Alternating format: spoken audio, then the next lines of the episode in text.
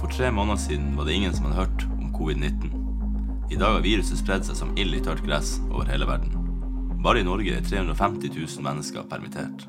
En arbeidsledighet vi ikke har vært vitne til siden 1930-tallet. Det offentlige rom er tømt, i frykt for at sykehusene skal fylles opp. Ingen vet hvilken verden vi vil møte etter korona, men alle enige om at den vil se annerledes ut. Velkommen til et samfunn i sjokk.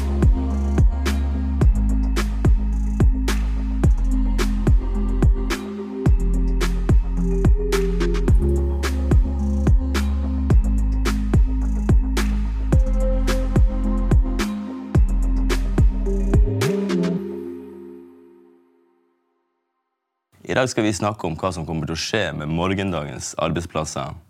Og selv om vi neppe kommer til å kunne sette to streker under svaret, så har jeg i alle fall fått med meg et variert og kompetent panel som skal hjelpe oss å belyse noen sentrale problemstillinger. Målfrid Bike fra NHO, Gro Knutsen fra Peab og Øyvind Bakkeby Mo fra Mogården, som eier bygget vi sitter her i dag, eh, Amtmannens i Tromsø sentrum.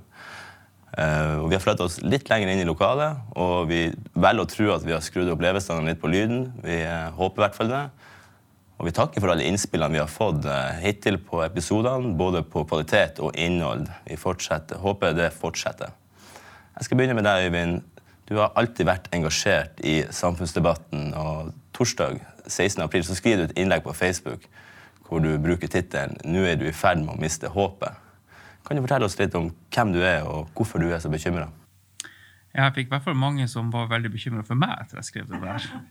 Så, men det er klart at det er alvor i, i det jeg sier. Altså, sånn, du, du var jo en par aspekter i, der, i det innlegget da, som, som, jeg, som, jeg, tok opp. Det ene er noe at det som jeg tror kanskje gjorde at jeg bikka meg litt over, det er noe mer på den personlige planet. på en måte. Da er det jo at, at jeg tror vi alle sammen heiv oss rundt, og, og, den dugnaden som dette bringte frem, og de restriksjonene som kom, så tror jeg vi alle kjørte på og gjorde det beste ut av situasjonen. Og, og alt det der. Og så um, opplevde vel jeg og mange flere som kom liksom påsken, og så, oh, så stoppa ting litt opp, og man begynte å tenke litt. Men så kom det et par sånn uttalelser som jeg personlig må si, reagerte litt på, at, som, som, har med litt det her med håpet og hva vi ser fremover til, også på det personlige plan. Og det er når helsedirektøren går ut og, og litt sånn i ei bisetning eh, i, på et eh, seminar sier at eh, vi kanskje må innstille oss på f.eks. ikke å samles mer enn 30 personer i hele 2020. Eh, dagen før har han også uttalt noe som går på at vi kanskje må se for oss at vi ikke kan drive med sport og idrett sånn som vi har sett for oss, altså fotball og håndball og, og, og den type ting. og, og da så jo jeg, når mine barn leste dette, at tårene står i øynene på dem. Det er det de lever og ånder for, ikke sant? og vi alle holder på med på fritida vår som trenere, eller hva nå enn, er for noe. Og um, det, det, får et enormt sånn her, det, det slo hardt inn at, at, her har vi hevet oss rundt, og vi er alle med på dette. Det er ikke det at vi ikke fortsatt gjør det vi kan og tar de rådene som vi får, men vi må ha noe å se frem til. Og når ikke dette er anbefalte og råd fra myndighetene, så bør man være veldig forsiktig med kommunikasjon i den henseende. Og så er det jo også fra et arbeidsperspektiv. Jeg er jo selv involvert i mange eh, små bedrifter og mellomstore bedrifter som er et stort segment i Norge. Og veldig mange av oss lever av å samles mer enn 30 personer. Hvis det her er eh, noe som myndighetene faktisk mener, så må de være tydelige på det, og de må være tydelige på det nå. For igjen i det her, vi heiv oss rundt og, og begynte å kaste om alle planer. Vi stengte ned, vi permitterte folk og alt det her. Det er ikke noe morsomt. Men vi prøver å lete etter når kan vi komme i gang igjen? Når kan vi åpne igjen? Hva kan vi åpne til? Om man begynner med alt det her. Og hvis det her er tilfellet, så kan vi heller få beskjed med en gang skal vi legge ned en hel haug av disse bedriftene omgående. Jeg kommer sjøl fra kulturlivet utgangspunktet. Involvert i utelivet, involvert i mange bransjer. Og mine leietakere som er fra den, den virksomheten jeg driver, har, har mye av sånt. Og det, da, da skaper en enorm usikkerhet. Og det man hadde liksom hevet seg rundt og begynt å se fremover mot et eller annet, blir liksom bare helt lagt i grus, på en måte. Og det er det jeg mener med at vi, vi trenger ikke å miste håpet på den måten nå. Så det var liksom den første biten jeg tok opp i det der. Så blir det den andre biten som, som jeg egentlig når jeg prøvde å løfte blikket litt også i løpet av påsken, når man har satt seg ned og lest om mange mange som kan veldig mye mer enn meg om mye. Men når eh, f.eks. Eh, det internasjonale pengefondet, IMF, går ut i forrige uke offisielt og sier at det her er oppskrifta på det de kaller for en av de største resesjonene vi har sett, og de sjøl henviser til 1930-tallet. Eh, da mener jeg at det her må vi, både i næringsliv og i samfunnsliv, ta inn over raskt. Starte en diskusjon om hva er det nå vi skal leve av, og hva er det som møter oss på den andre sida av det her. Når hverdagen blir normal igjen, blir det normal hverdag. Jeg tror ikke at det vi hadde før 12. mars, er det vi møter ja, for eh, Når jeg inviterer deg til podkasten på lørdag, så kjenner jeg jo at uh, det, går, går et støkk i meg når jeg prater med deg. Jeg, får jo mye informasjon som jeg ikke er klar over, makroøkonomiske uh, potensielle konsekvenser. Og jeg drakk ikke like mange øl den lørdagen som jeg kanskje bruker å gjøre på lørdager. da. Uh, frykter du at den, altså den de tiltakene som nå er, at de er så strenge at det på en måte forlenger den samfunnsmessige og økonomiske belastninga på samfunnet, at det kan bli vanskelig å komme seg ut av det? Jeg har egentlig kommet frem til at tiltakene sånn som de er nå, er egentlig ikke så vesentlige lenger. Altså Det har litt med når vi kommer i gang igjen å gjøre. Men skaden er på en måte skjedd i så henseende. Og da mener jeg ikke å diskutere, for jeg har ingen forutsetning for å diskutere om smitteverntiltakene var korrekte eller ikke. Men, men, det er klart at det som skjer nå i våre største handelspartnere rundt omkring, det er det som er den største bekymringa. Norge vi har en eh, pengesekk å øse av og stimulere økonomien. Og som jeg tror vi får høre fra andre her, at uh, her kommer det masse tiltak ut i en del bransjer som gjør at uh, man får en vekst enkelte steder. Men det er klart at når, eh, når, eh, store handelspartnere får knekt en økonomi som så vidt var kommet over etter 2008, og ikke egentlig kommet tilbake igjen etter 2008 i mange land, da er det veldig alvorlig for oss og for vår del. For Norge lever ikke et isolert eh, økonomisk på, i så henseende. Og, og jeg satt på å tenke på, som jeg tror blir en del av debatten her i Tromsø, er jo dette med reiseliv. Hva gjør vi, og hva, hvordan rigger vi oss i forhold til dette? Men så tenk på Frankrike verdens største land innenfor reiseliv. Mest besøkende i verden. Ca. 90 millioner. Italia ca. 60 millioner. Femte størst. Spania nest størst. Over 80 millioner. Deres sesong starta i påsken. Det er hovedsesongen deres over ut oktober. Hvor mange av oss blir å sette oss på et fly ned til eh, Italia i år? Eller til Gran Canaria? Eh, det får enorme konsekvenser for disse landene igjen, som igjen går utover kjøpekraft, etc. Og da er dette i gang. Og på toppen av det hele så får vi akkurat det som både jeg og jeg tror mange av oss andre allerede er i ferd med å gjøre. Vi begynner å holde på pengene våre. Om det er privat eller som bedrift. Jeg har allerede utsatt en del ting jeg hadde planlagt å gjøre i eiendomsselskapene mine, i påvente av å se litt hva som skjer. Og det er en av de farligste driverne i økonomien når vi begynner sånn, både på privaten og på andre hold. Målfrid Bike, eh, jeg har ikke møtt deg før i dag, men uh, veldig hyggelig, forresten. Men etter at uh, koronautbruddet etablerte seg i Norge, så tror jeg jeg sett ansiktet i avisa hver dag. og det blir litt sånn sånn, Jeg vet at får jeg, jeg får ikke en støkk, men jeg vet at det kommer noen alvorlige nyheter og roper mye varsko i, i flere forbindelser. Kan du si litt først om hva er NHO? Du er direktør i NHO Arktisk. Kan du si hva NHO er, og hvordan har det egentlig vært å være direktør eh, etter 12. mars. NHO er jo Norges største arbeidsgiverorganisasjon. slik at vi organiserer flest bedriftseiere i dette landet. Og er således eh, viktige i det såkalte trepartssamarbeidet. Vi har god kontakt med arbeidstakerorganisasjonene. De fleste kjenner jo til LO. Så i en krise så vises det hvor viktig det er at vi har den norske modellen. Hvor det er tre parter, myndigheter, arbeidsgivere og arbeidstakere, som går sammen. Og det har vi virkelig gjort i denne krisen, nettopp for å finne løsninger på hvordan vi skal eh, komme oss ut av krisen, men også håndtere den mens den er. Eh, og vi har jo felles mål vi som arbeidsgivere er avhengig av den viktigste ressursen, som er arbeidstakere. Og arbeidstakerne er jo selvfølgelig opptatt av å redde arbeidsplassene. Så her er det en vinn-vinn-situasjon. Og så må vi ikke glemme at myndighetene, alle de offentlige, de får sine eh, jobber betalt av skatteinntekter som kommer fra næringslivet. Så dette henger i hop.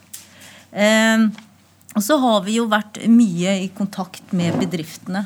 Og det har vært, eh, selvfølgelig har det vært hektiske dager siden 12. mars. Det er sånn litt absurd å tenke på. Det er søren meg ikke lenge siden 12. mars. Vi snakker om knappe fem uker siden. Samtidig som det føles som en evighet.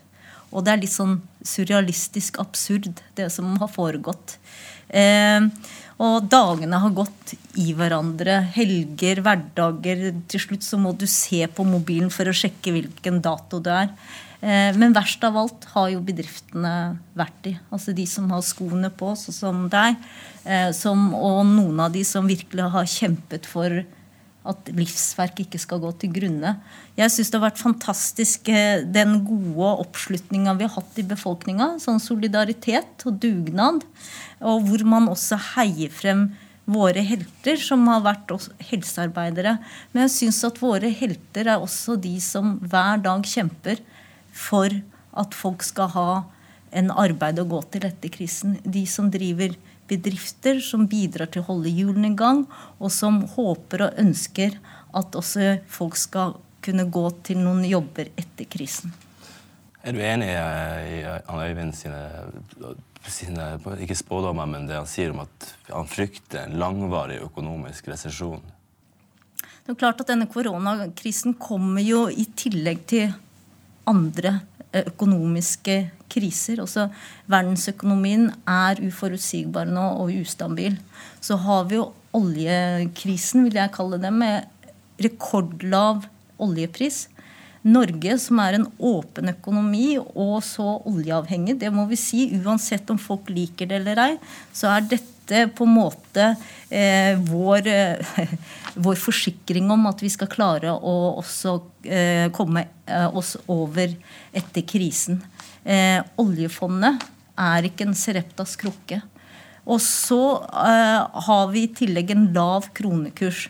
Oppi dette kommer koronakrisen som viser alvoret i full tyngde. Det er ikke bare en koronakrise vi nå skal overleve, men det er hvordan vi skal både gjenreise og omstille næringslivet.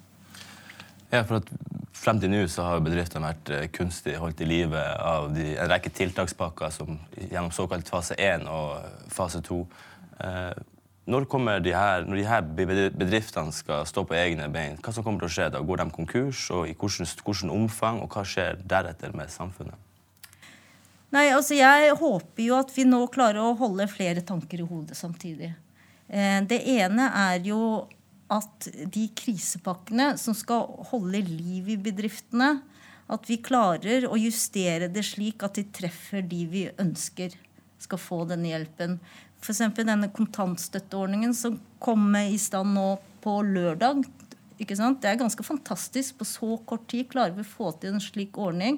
Og bedrifter har allerede, enkelte bedrifter har allerede fått utbetalt i går. Ikke sant? Det er fantastisk. Samtidig så ser vi at behovet for å få raske løsninger, at pengene skulle komme på bok eh, hos bedriftene fortest mulig, eh, det gjør at eh, alle detaljene er ikke nødvendigvis på plass. Det er noen bedrifter og viktige aktører som har falt utenfor. De justeringene må vi kunne gjøre. Ikke sant? Så det, det er viktig å ha, følge med på kua, så den ikke dauer mens gresset gror, for å si det sånn. Samtidig så mener jeg nå er det viktig at vi løfter blikket og tar en debatt om både gjenreisning av næringslivet, men også nødvendig omstilling. Vi har hatt en debatt gående i NHO nettopp for at vi, før koronakrisen kom, at vi må også begynne å diskutere omstilling. Hva skal fremtidens næringsliv være? Hvilke bærekraftige eh, bedrifter skal vi satse på videre? Og Det er en debatt som på en måte har fremskyndet seg nå pga. koronakrisen. Eivind? Ja, jeg tror hun, Manfred er inne noen veldig viktige poenger, i det her. Det er jo bare at uh, nå går ting fort. Og det, den, den omstillingen som man sikkert klokelig har starta en debatt om for lenge siden, får en enorm fart fremover. Så det er et par sånne interessante ting som også du er inne som jeg tenker er en, en utrolig positiv lærdom vi har hatt nå siden 12. mars. Det er akkurat det hvor fort man faktisk har klart å reagere. Hvor fort myndighetene i samarbeid med de forskjellige organisasjonene har klart å reagere der hvis vi klarer å ta det tempoet med oss videre nå, og se på det som en positiv lærdom, så kan vi jo komme langt i det her. Men jeg tror det kommer noen ekstremt tøffe avgjørelser som vi faktisk må tørre å si høyt. Vi må tørre å si Tror vi på f.eks. Hvis vi tar Tromsø som eksempel.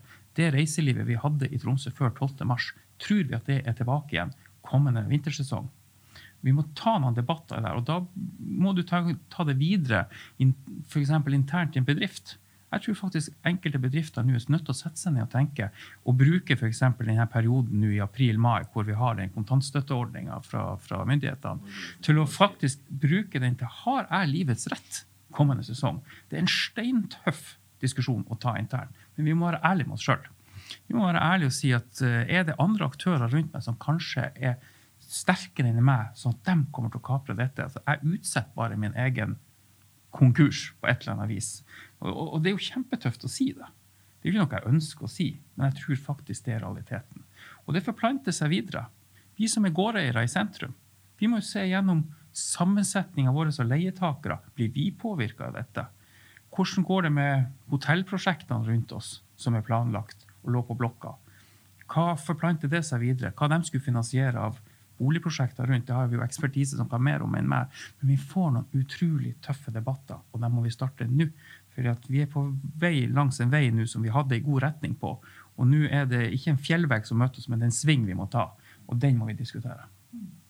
Jeg er helt enig med deg, og det, det høres hardt og brutalt ut. Men det er en gang slik at bedrifter oppstår, og bedrifter dør. Og det er ikke sånn at alle dagens bedrifter har livets rett fremover i tid. Så den diskusjonen må tas. Og så tror jeg også at det tvinger seg frem også en diskusjon om kanskje strukturendringer, konsolidering i f.eks. reiselivsnæringa. Vi har bygget opp en reiselivsnæring med mange små og bitte små bedrifter. Litt sånn fragmenterte, og det har kommet inn enorm fart fordi veksten har eh, virkelig tatt av i løpet av noen få år. Eh, er dette bærekraftig over tid? Må vi se på litt større, eh, altså større eh, enheter som har litt mer muskler, og som takler fremtidige utfordringer. Og, og, da tror jeg at den derre 'smått er godt til enhver pris', den tror jeg vi faktisk må utfordre, den tankegangen. Mm.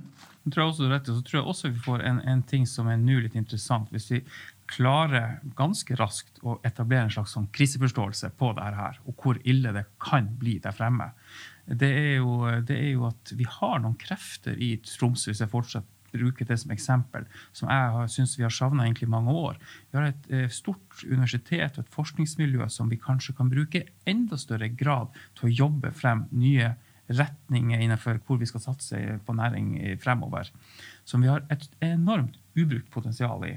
Hvis vi klarer nå å etablere denne forståelsen og i fellesskap sette oss ned og se på hvor vi skal sette inn støtet og bruke disse tingene, det er ikke tvil om at det finnes løsninger der ute. Det finnes masse gode folk rundt oss. Men den inntekta som vi faktisk har basert en stor vekst på i Tromsø nå, den må vi ta en alvorlig diskusjon rundt. Vi skal snakke litt mer om løsning etterpå. Eh, vi skal snakke litt mer om eh, nå-situasjonen eh, akkurat nå. Jeg var innom E24 sin koronaportal like før jeg kom hit i dag. og Der er de, siste oppdaterte tallene over 355 000 mennesker under permittering. Eh, og det er jo et, en arbeidsledighet som vi ikke har sett siden 1930-tallet. Kan det stemme? Gro Knutsen, du er direktør, direktør i BA Bjørn Bygg. Dere annonserte tidlig under koronakrisen at dere trenger enda flere folk enn de 300 menneskene som allerede jobber hos dere. Hvorfor er det sånn? Nei, det som Vi tenkte når det her inntraff den 12., så har jo vi den porteføljen som vi driver hele tida. Altså vi har 300 håndverkere, så har vi 125 funksjonærer, sånn cirka. Og eh, det er jo ingenting som falt bort hos oss umiddelbart. Sånn som vi kunne se det da, så eh, så tenkte vi at eh, vi må drive videre. Vi er jo en privat bedrift. Vi er nødt til å drive for å overleve. Sånn er det òg, det, det, vet man når man jobber i det private. Og vi fikk òg veldig god hjelp den første helga som kom BNL ute, som er Byggenæringens Landsforening. De kom ut med veldig tydelige retningslinjer, for det var jo det som var vår største frykt. Hvordan starter du en byggeplass når det er fare for koronasmitte? Men der fikk vi veldig god hjelp, veldig konkrete tiltak som vi kunne følge og så starte Så det var liksom helga til å begynne, at alle skulle få informasjon om at når vi begynner på mandag, så skal vi på jobb, men uh, vi må jobbe annerledes. Og så var det jo masse folk i karantene. og ja. Men hvordan er det å jobbe, altså PA Bjørn Bygg er jo eid av et svensk konsern. Mm. Hvordan er det å jobbe i et svensk konsern som har litt annen tilnærming til denne covid-19-smitten enn det Norge har hatt? Er det sånn at det blir signalisert at det er profitten som er underliggende?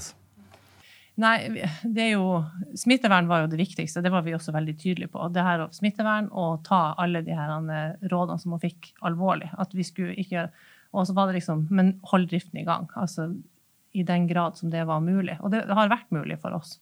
Sånn at, eh, men eh, svenskene kom ikke med noe spesielt. altså Det var ingen styring fra den sida. Det var vi sjøl som måtte finne ut her i Norge. For det er vi, som, vi har våre regler i Norge, og vi må forholde oss til det hele tida. Så det var vel kanskje heller sånn at det det er trygt å være en del av et stort konsern som har en stor og veldig solid eier når sånne her ting skjer, hvor man tenker at man kan tørre å annonsere til folk.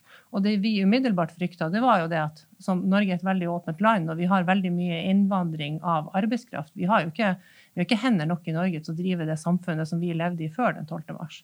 Og det må vi også innse, at det, det er det faktisk ikke her. Og vi tenkte risikoen for at det bortfaller ganske mange. Vi vet også det at Polen går bedre enn det det har gjort tidligere.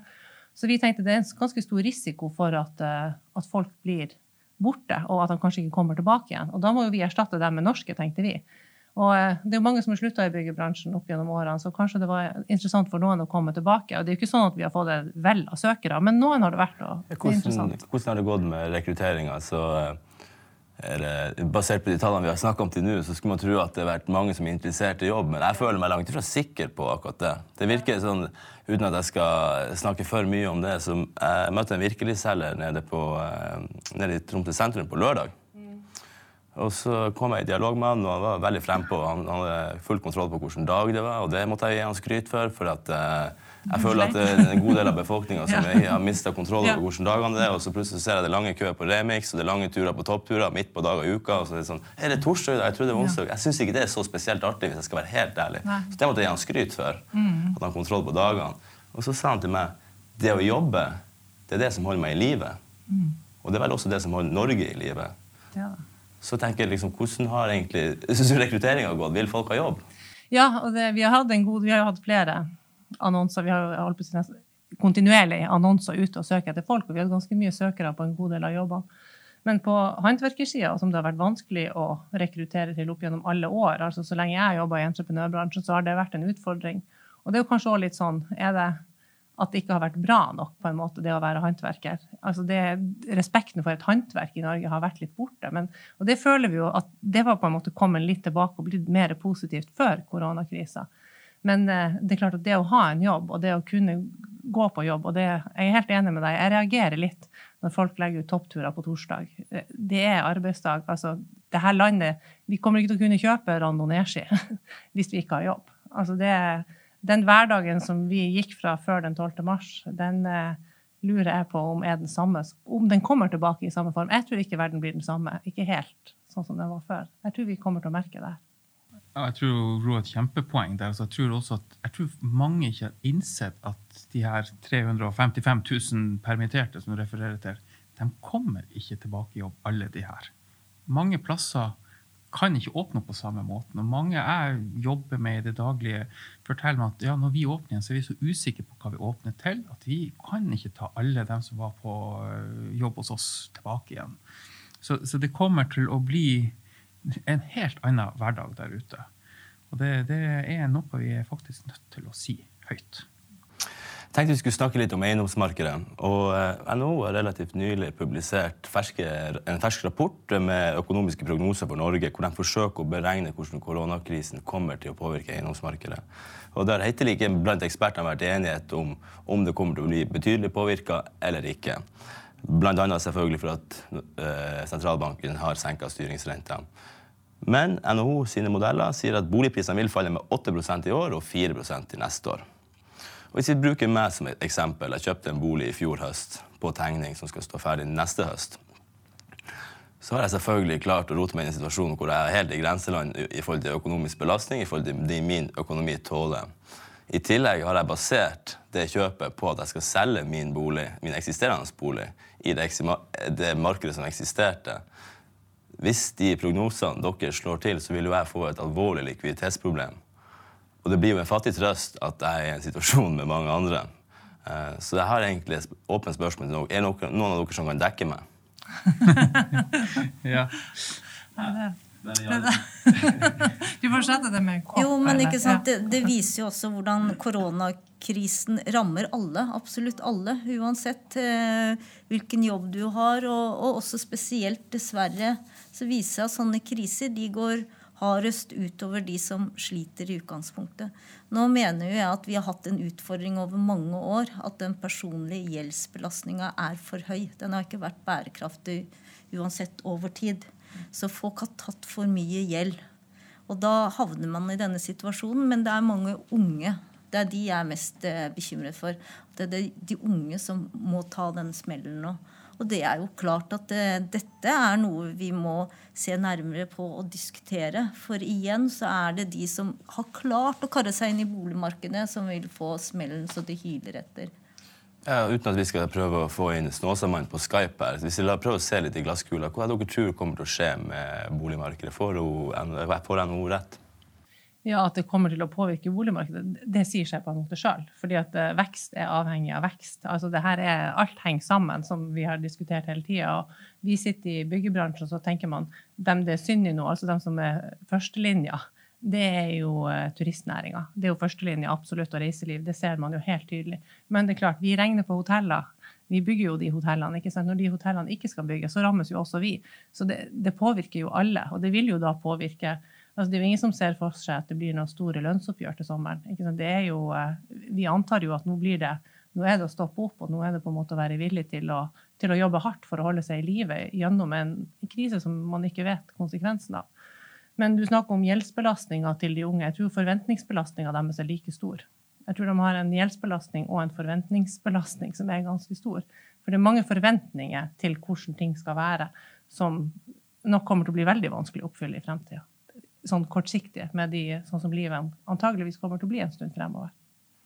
Ja, og jeg tror, jeg tror, du har helt rett. Og jeg tror det er veldig mange, spesielt kan man si, ansatte i offentlig sektor, så, eller dem som i hvert fall føler seg trygge på jobbene sine, som ikke har tatt inn over seg hva som faktisk har skjedd rundt oss nå. Og det er en uh, utrolig vanskelig sak å, å, egentlig ta inn over seg det her, de realitetene her. Fordi vi, vi, vil jo helst ikke. Altså, vi alle er jo programmert sånn at vi har lyst til å skape, vi har lyst til å være optimister og alt det der. Og det er ikke det jeg mener at alt, alt er nattsvart nå, men, men, men innse realitetene, så la oss skape derifra. Men, men, det å innse de her tingene, det er en vanskelig øvelse, tror jeg, for oss alle sammen. Og alle tror jo at det ikke rammer en sjøl. Jeg vet ikke, men kanskje det, det den, den, butikken som er mest kø for tida, er jo Vinmonopolet. Jeg vet ikke hva det signaliserer.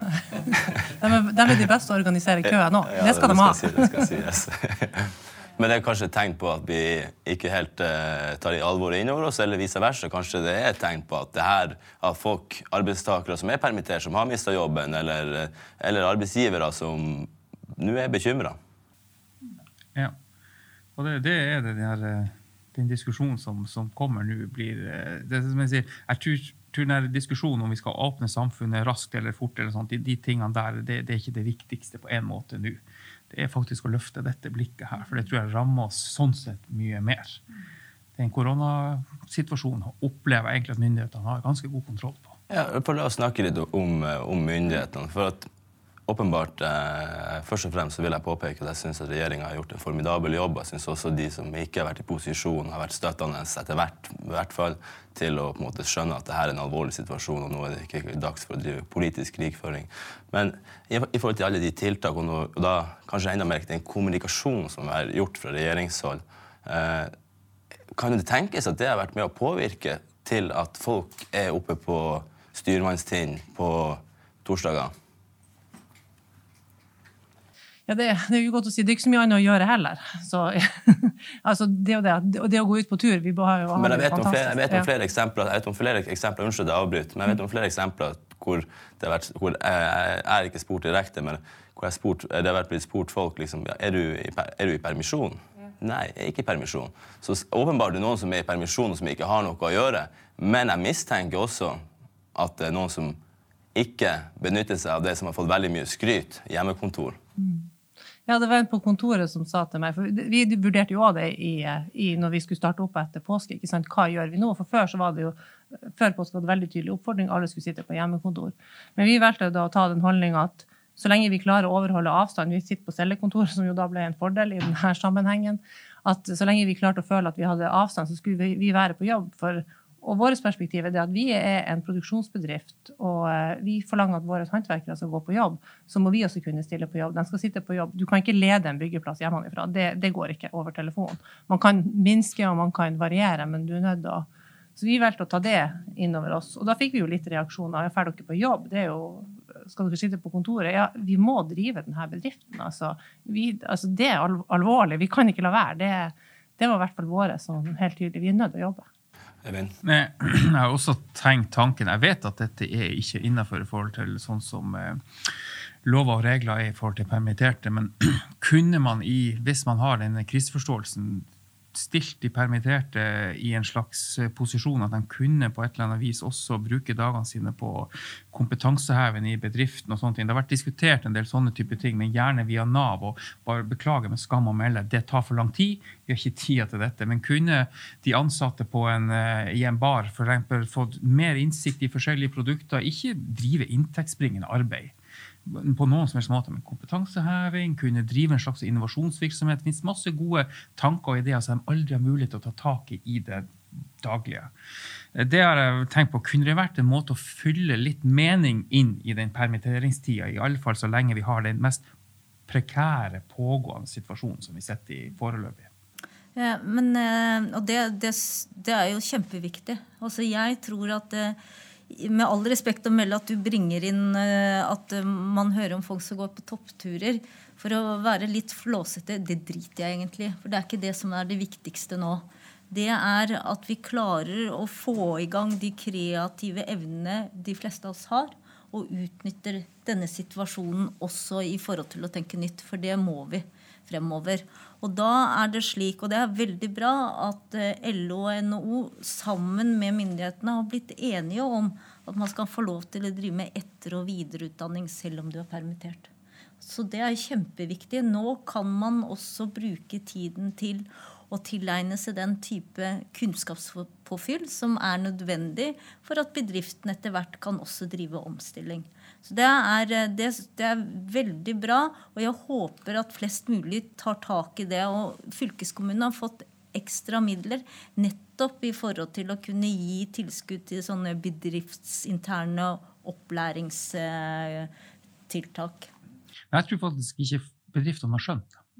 Jeg har registrert det tiltaket. Jeg tror veldig mange bedrifter ikke vet helt hvordan de skal gjøre dette. Man er veldig redd for hvordan dette vil slå ut. Har jeg i hele tatt lov til å be mine ansatte komme inn på arbeidsplassen? Man ønsker ikke selvfølgelig å, å, å bryte noen regler i det her. Det må i så fall kommuniseres mye tydeligere ut. For jeg tror mange har lyst. Jeg tror både arbeidstakeren og arbeidsgiveren har lyst til sånne ting. Da, da, må jeg nesten få lov til å reklamere litt om det å være organisert. Tilhøre et større fellesskap. Og da, da, er det betydningsfullt å være organisert, f.eks. tilhøre NHO, eller hvis du er lønnstaker, LO og andre eh, arbeidstakerorganisasjoner. Vi prøver jo så godt vi klarer å informere våre medlemsbedrifter. Og også være litt i forkant. Lage standarder, som du viste til. EBA eh, er jo en del av NHO-familien. Eh, og, og, jeg håper jo at flest mulig bedrifter tenker også tanken at alene er man ganske liten, men når man tilhører noe større fordi dette er en utfordring som er utenfor en, så håper jeg at man søker til fellesskap og fellesskapsløsninger. Så min oppfordring er, eh, hvis du ikke er eh, organisert og tilhører noe, gjør det. For der får du virkelig god hjelp. Og vi prøver jo så godt vi kan å informere våre medlemsbedrifter. Veldig lydhør i forhold til hvilke innspill de har, både i forhold til tiltak, men også hvilke type informasjonsbehov eh, de har. For det suget har vi merket virkelig, og det skjønner jeg godt. Det er forferdelig mange tiltak som har kommet nå i kjølvannet av krisen. Det har, vært, det har vært, veldig mye mail fra veldig mye når man er i de organisasjonene om inn, sånn webinar og alt mulig rart. Og det er jo en liten sånn risiko også for at, vi, at man får så fokus på å overleve i korona. At det liksom sånn koronadrift Det er jo det som er liksom fremst nå. Og det kan òg være en fare, fordi at det er klart vi skal òg utvikle oss og omstille oss og være klar for verden videre. Hva nå enn det betyr for entreprenørbransjen, for min del, da. Men det gjelder jo alle som driver en bedrift. ikke sant? Så samtidig som du skal overleve i en helt ny hverdag, så skal du også omstille deg for fremtida, og for en fremtid som vi diskuterer, som vi ikke helt vet hva er. Altså hvordan skal vi drive om noen år? Hvordan påvirker det her? Altså, det er klart at uh, de kreative folkene som vi har i Norge, burde virkelig uh, kjenne besøkelsestida si og bidrar til at vi nå klarer å utvikle Norge. Og det er jo, det er jo en enorm fordel vi har. Vi har en ekstremt utdanna uh, befolkning. Og her i Tromsø et enormt miljø borte på universitetet med, og lite samarbeid med næringslivet, spør du meg. Altså, sånn som jeg opplever det, i hvert fall. Og så, og så, blir det noe også som jeg er helt enig med deg, og det, der, det er kjempeviktig i forhold til den, den organiseringen disse tingene, men det er en vell av informasjon å forholde seg til nå, og kriseplaner og alt mulig rart. Og så må vi tenke på at også at mange av de vi snakker om her, i hvert fall som i hvert fall jeg sjøl brenner veldig for, de små og mellomstore bedriftene, de har begrenset kapasitet. De har ikke organisasjoner som, som kanskje PAP har, ikke sant? Altså, til at noen kan absorbere dette og har eh, altså, eh, ansvar for ditt og ansvar for datt. Det, det, det er ikke virkeligheten der ute for veldig mange av dem. Og så har du også den biten som jeg innleda med å si. Når myndighetene sier, eller representanter for myndighetene som sier i sånn bisetning der med 30 personer eller et eller annet sånne ting, da vet du svarten ikke hva du skal sette deg ned og være innovativ i forhold til. ikke sant? Og Du får sånn usikkerhet rundt disse tingene. Og, og jeg skjønner jo også fra et myndighetsperspektiv at ting ikke er forutsigbart. Det er jo hele kjerna i problematikken vi sett som har utløst det her. Eh, men, men, men, det blir så ekstremt vanskelig for disse bedriftene. Hva skal vi planlegge imot? Fra kulturbransjen, som jeg opprinnelig kommer fra, så har jeg jo sittet og, og, i møter for å, for å bistå eh, noen som driver og planlegger store arrangementer i 21, som de nå er usikre på om de i hele tatt kan planlegge for. Eh, Snakka med gamle kollegaer som driver i den eh, bransjen enda, og der de har fått nå masse som har utsatt arrangementer til 22. Fordi at de tør ikke å satse på 21 lenger etter den uttalelsen. Etter den uttalelsen. Og det er ganske vanskelig å forholde seg til for en liten bedrift.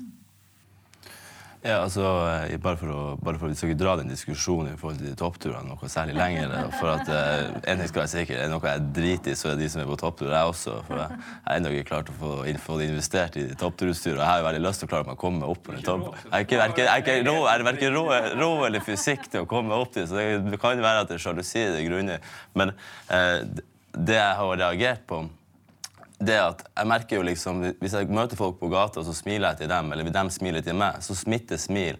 Og i, i det her med sosiale medier så smitter vaner også. Og jeg er redd for det her er kun mine personlige betraktninger, jeg har ikke ført statistikk på det, men jeg er redd for at vi har, klar, har, har utvikla en slags på, lang påskeferiekultur unødvendig. Jeg snakker selvfølgelig ikke om de bedriftene som er helt eh, fratatt direkte sitt eksistensgrunnlag. At, at de går ut i permisjon, det skjønner jeg godt. Men jeg har også fått rapporter fra kjentfolk som jeg anser som tungt oppegående, hvor de sier må det er bare, bare per permittere med en gang. Det er ryggmargsrefleksen. Og her snakker jeg om noen av de menneskene jeg respekterer. Eh, og da blir jeg liksom bekymra. Hvorfor blir det sånn at det mennesket blir påvirka dit hen at det er bare å permittere? Eh, og så det, det jeg på en måte kanskje har savna litt, er den Eh, at, litt, at, det går en, en, liten faen i det, for å si, bruke et nordnorsk uttrykk, og tenke OK, hva gjør vi nå? Hvordan kan vi bruke denne tida til å drive kompetanseheving? Ikke sant? Nå er vi i gang med det, men jeg føler kanskje at vi har en måned på etterskudd. Jeg skulle ønske at det lå i ryggmargrefleksen vår fra start av, at det ble litt for lett å gå inn i, inn i hvilemodus. Men vi skal gå videre litt, eh, og jeg tenkte vi skulle snakke litt om lokale forhold. Og Målfrid, du har jo uttalt det at næringslivet i nord rammes hardest av korona. Hvorfor det? Det er litt sånn som vi har pratet om akkurat i sted. At eh, en høy andel av næringslivet vårt er små og bitte små bedrifter. Vi er litt sånn fragmenterte i næringsstruktur. Og det gjør at man blir også mye mer sårbar for den type krise som vi har nå. Eh, de har mindre å gå på. Eh, de har veldig lite penger på bok. Eh, mye er jo knyttet til eh, reiselivsnæringa. Eh, og, og, det er altså de har mye utgifter. En av de høyeste utgiftene er jo selvfølgelig menneskene, altså de ansatte. De må ha mange ansatte.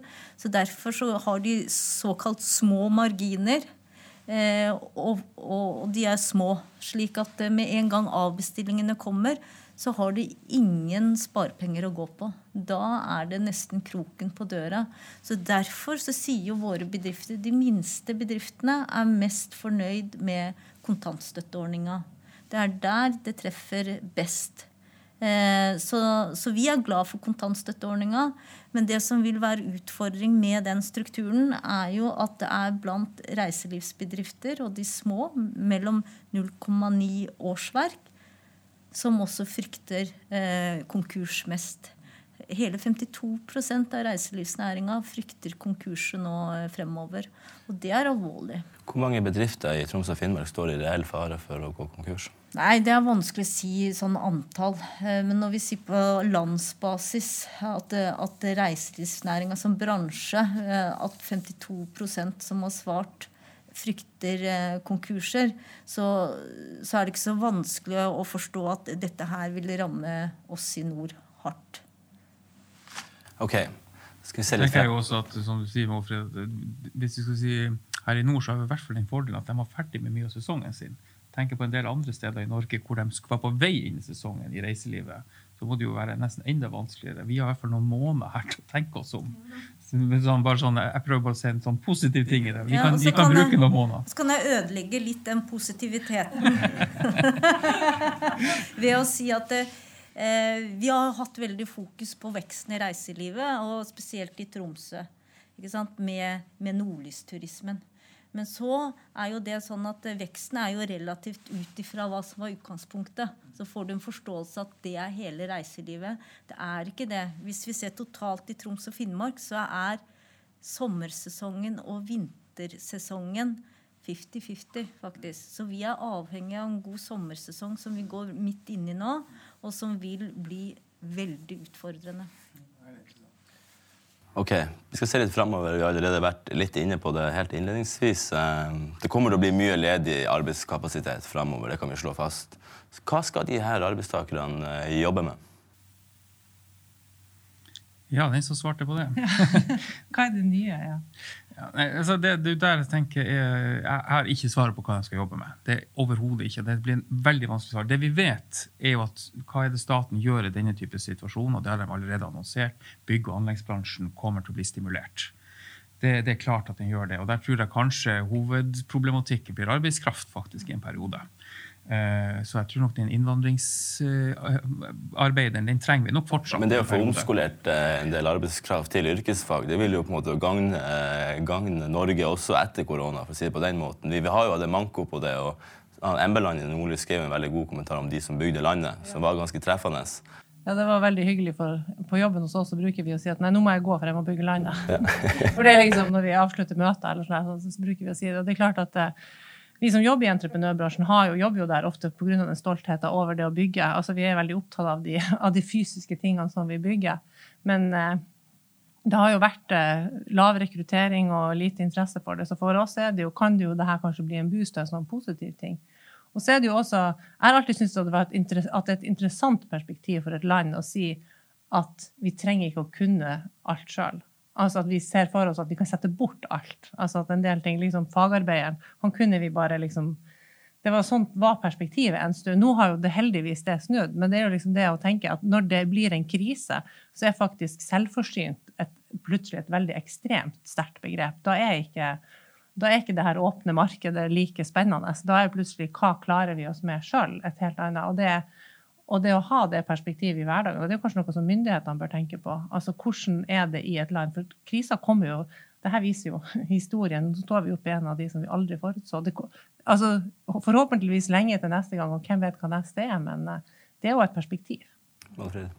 Ja, jeg tror jo at uh, denne krisen avstedkommer mange nødvendige diskusjoner, og så håper jeg vi tar dem og spennende diskusjoner. Eh, jeg tror at det vil på et litt mer sånn overordnet eh, nivå vil tvinge frem en verdidebatt. Hvilken type samfunn, hvilken type verden ønsker vi oss?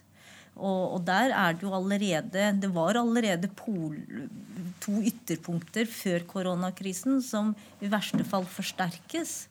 Og det er proteksjonistene. altså Tenk Trump. Og nå de siste har sagt at nå kutter vi ut penger til WHO. Og så har du de større internasjonale over, overnasjonale strukturene som FN og andre, som Norge er helt avhengig av. For uansett hva vi tenker at vi må på en måte tenke bare Norge, Norway first, så vil vi ikke klare det. For vi er så små.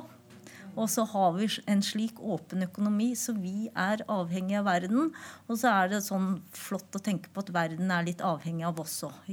Vi produserer eh, mat, vi produserer energi. Vi, vi, har mye som verden også trenger.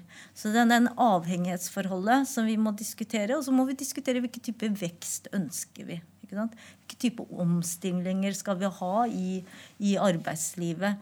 Eh, da må vi også tenke offentlig. Vi må tore å diskutere har vi en for stor offentlig eh, etat nå, eller ikke etat, men eh, altså, det er for mange offentlig ansatte. Det er for tungt. Må vi også tenke og tore ta opp en strukturdebatt der også.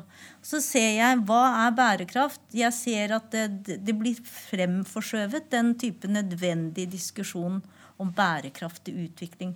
Dette behov for mer forskning og utvikling, teknologiutvikling kjempeviktig, og som jeg tror vi i Nord-Norge skal kunne tenke litt mer på å utnytte enda mer og kunne være føresete for den type utvikling. Vi er avhengig av det. Knytte det opp mot utdanning, f.eks. Eh, distribuerte utdanningsløp i større grad. Eh, slik at det, det er mange muligheter her også. Ikke sant? Ja, og det er jo, det er jo som mange sier, og det er jo sikkert en klisjé, men altså, en krise åpner alltid opp for for noe nytt. Altså det, det man kan utnytte i krise òg. Og det er jo litt derfor jeg tenker at hvis og jeg tok til orde for det jeg gjorde, for Jo fortere vi innser at dette kan bli en krise, jo fortere kan vi også finne mulighetene i det her. Og, og, og jeg tenker også, jeg sa det allerede jeg var på Agenda Nord-Norge i høst. Og, og, jeg savner også der, eh, når vi fortsatt alt går i rett retning, et perspektiv på å bli tøffere tøffere i de valgene vi gjør i Tromsø eller i Nord-Norge. Fordele oss imellom. I Tromsø skal vi bli best på dette, og i Bodø blir de best på dette. Istedenfor å alle drive og rote i samme bed eller et eller annet sånt. Ta disse diskusjonene her. Teknologi, det kan vi bli, definere et eller annet som vi kan bli best i verden på, hvis det var det om å gjøre. Det er bare å tørre å si disse tingene, definere det og rette ressursene våre mot dem. Og der er jo, hvis man nå drar denne perspektivet som vi snakka om i sted, alt som går galt rundt oss i verden nå. Så hvis vi vet at vi har denne pengesekken vår, så kan jo vi, i motsetning til alle andre, ta noen tøffe, men målretta valg og sette inn ressurser på dette og utvikle nettopp dette, som gjør at vi er best i verden på et eller annet fremover. Jeg ønsker avslutningsvis å spisse det spørsmålet jeg stilte i sted. rett og slett. Ehm, det blir en kreativ øvelse hvor dere må improvisere. Hvis dere skal starte et nytt selskap, i neste uke. Hva skal det hete, og hva skal det drive med? Det må bli noe innenfor teknologi da, tenker jeg, og digitalisering. Men jeg vil jo starte noe som eh, digitalisering retta inn mot byggebransjen, da, kanskje. Fordi at, eh, ja, jeg tror det, mye, det kommer til å endre seg. Jeg tror mange bransjer kommer til å endre seg der. så. Og så hadde et samarbeid med universitetet. Det hadde vært interessant å få til. Men hva det skulle hete, det vet jeg ikke. du, Eivind? Jeg tror jeg ville ha jeg var i, og er litt involvert i et selskap i Nederland som, som har, er i ferd med Men de er selvfølgelig to måneder for sene. De har, de har laga en plattform hvor alt av, av, det vi holder på med av underholdningsmedia, om det du bruker iTunes og du bruker Spotify, så skal alt puttes i ett system og snakke med hverandre, og vi skal kunne livestreame fra Amtmanns over hele verden, og alt skjer i ett system. Og jeg tror jeg skulle putta alle sparepengene mine inn i at de fikk alt dette på plass, og så kunne man bare worldwide tatt hele entertainment-sektoren. Håper at ikke noen stjeler den ideen. Det hørtes ganske bra ut. De har allerede tatt den, og jeg har allerede putta noen kroner i den. okay. Malfred. Ja, det var et uh, vanskelig spørsmål. Jeg vil jo si at uh, uansett bransje så er, så er uh, alle bedriftene mer eller mindre teknologibedrifter. Og det tror jeg og håper eh, folk tar inn over seg og ser betydninga av mer og mer, for det må vi.